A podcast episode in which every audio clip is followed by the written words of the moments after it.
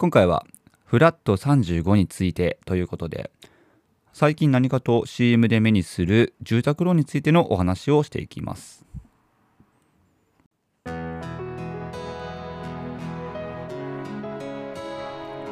ヒロトのフラット独り言第93回目の配信です。はい、えー、今日は2月の11日木曜日ということで、えー、祝日でお休みだった方もたくさんいらっしゃったんじゃないでしょうか、えー、この2月11日は、まあ、建国記念の日ということで、まあ、なんか違和感感じた方いらっしゃいませんかね。なんで建国記念日じゃなくて建国記念の日なのか。えー、これちょっとなんか調べてみたら、えー、この2月の11日は、えー、いわゆる紀元節の一番最初の天皇、まあ、神武天皇という方が即位されて、え日本国が建国されたというふうに言われているんですけども、えどうもですね、その事実が、え確証が得られていないということで、なので、正確な期限が分かっていないのにもかかわらず、まあ、建国記念日というふうに定めることはできないということが、え、どうも学者さんの間でいろいろと意見があったみたいで、なので、ま、単純に、ま、建国されたという、ま、事実をお祝いするという意味で、あの、記念日ではなくて、まあ、記念の日ということに、え、なったみたいです。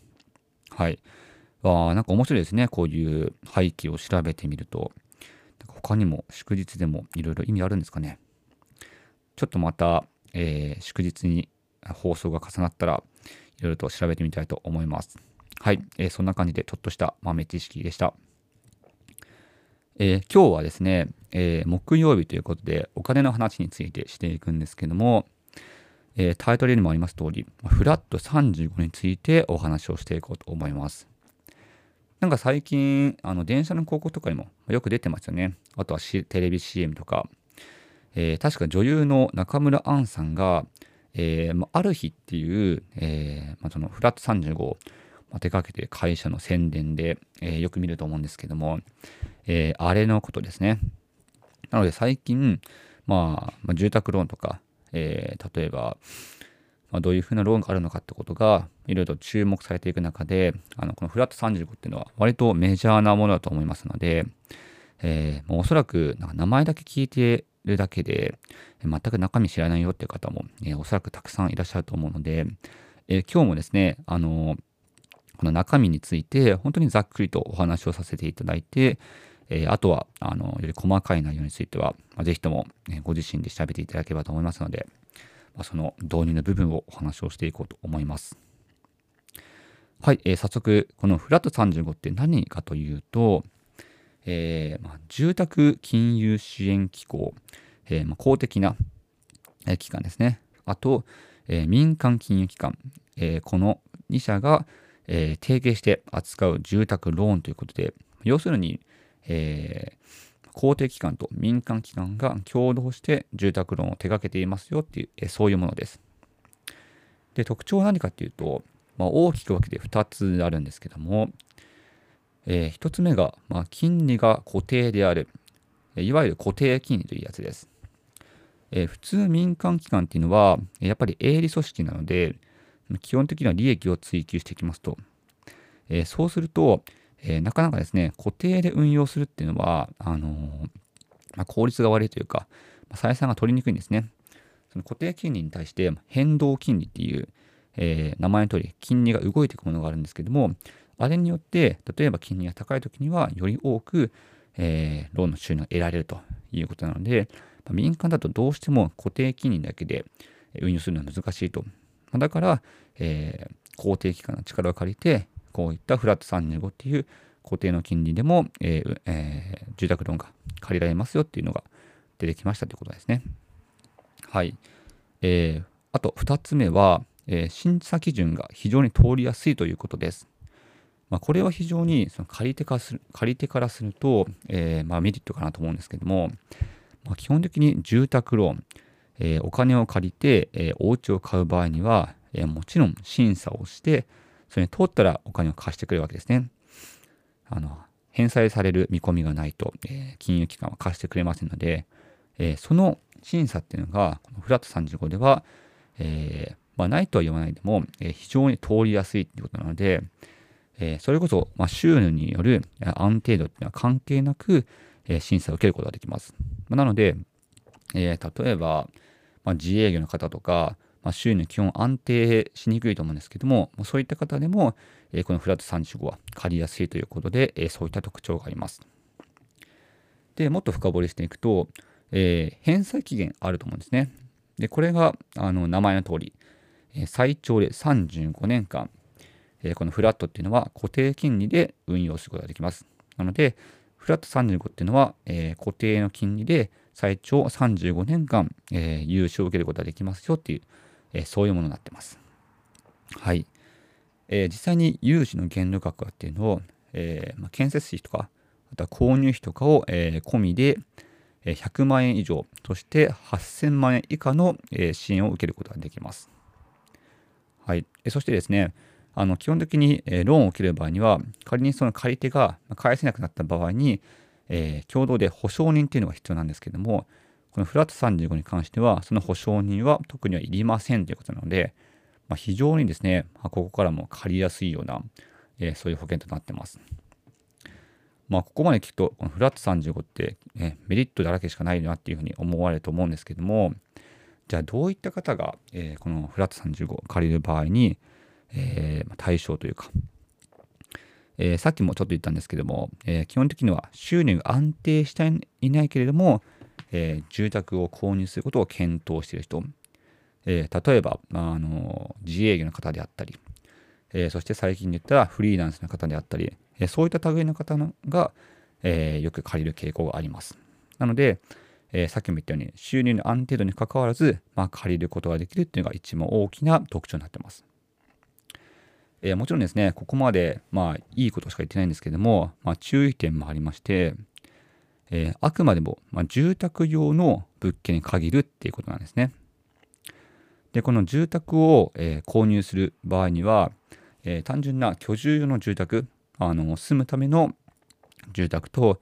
あとは例えば収益を求める住宅、よく投資用物件っていうふうに言われると思うんですけども、えそういった、え2つに大きく分けることができるんですけども、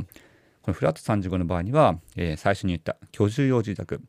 つまり住むためだけに、えー、使用するお金ですね。それを借りることができるということでして、えー、万が一ですね、あの投資用物件に、ま、使うようなことがあって、それが、えー、融資する側にバレた場合には、え、その借入金残高を一括で返済をしなければいけないということになっています。要するに借りた、え、ローンをすべ、て1回で返してくださいねっていうことです。例えば、まあ、8000万円借りていて、えー、まだ700万円しか、えー、返していないのに、えー、その投資の物件に、まあ、あの使っていることがバレた場合には、残りの7300万円は、えー、全て一括で返さなければいけないという、なかなか、まあ、鬼畜なことなので、まあ、絶対にあの居住用物件のみに、えー、使ってほしいなということです。はい。まあ、非常に恐ろしいですね。といったように、まあ、こういった、まあ、メリットとデメリットがあるんですけども、えー、実際に、まあ、申請するにおいては、えーまあ、もちろんその金融機関、えー、そのフラット35手掛けてる、まあ、それこそ、えー、さっきも言ったようにある日とか、えー、そういう会社があるので、そこに融資を受けに行って借りることができるんですけども、えー、このフラット35、他にも、まあ、似たようなというか、よりあの金利を下げることができるんですね。例えば、あの、フラット 35S というものがあるんですけども、えー、これは、えー、省エネ住宅とか、例えば、えー、耐震性が、えー、非常に高い、まあ、住宅を、えー、所得する際には、えー、一定期間ですね、まあ、金利を下げることができるんです。例えば、えー、もともと5%の金利で借りていたものであれば、それを3%下げることができたりとか、その期間も、えー、約5年から10年っていうスパンで借りることができるので、えー、大体35年のうちの10年だとすると、えー、本当に3分の1近く、低い金で借りることができるということで、まあ、最近はですね、本当に環境問題とか、あとエコに対する、取り組みっていうのが、国単位で行われていますので、この住宅ローンのフラット35に関しても、そういった、ことに、関心がある方は、お得に、えー、週ローンですね、受けることができますっていうことです。はい。え、あとはですね、え、フラットリノベっていうものがありまして、これはリノベ、ま、リノベーションっていうことなんですけども、いわゆる、中古住宅を所得して、それを実際に、改革して、それで住むっていう場合には、同じように一定金利を下げることができます。まあ、つまり、新しく建築して、それを、え、購入するんじゃなくて、もともとあるものを、え購入して、自分でいろいろと、ま、直すことによって、え住宅を、え買うという場合には、まあ、これもやっぱエコの観点から言うと、非常にね、一から作ると、あの木材とかね、いろいろ材料必要になってしまうので、えー、それを、に対するコストがかかってしまいますと。だから、えー、ある、えー、もともとあるものを、えー、使って、それを改革する。そういった場合にも、えー、金利を下げますよっていうことができます。はい。なのでね、あの、一口にあのフラット35と言ったとしても、いろいろと、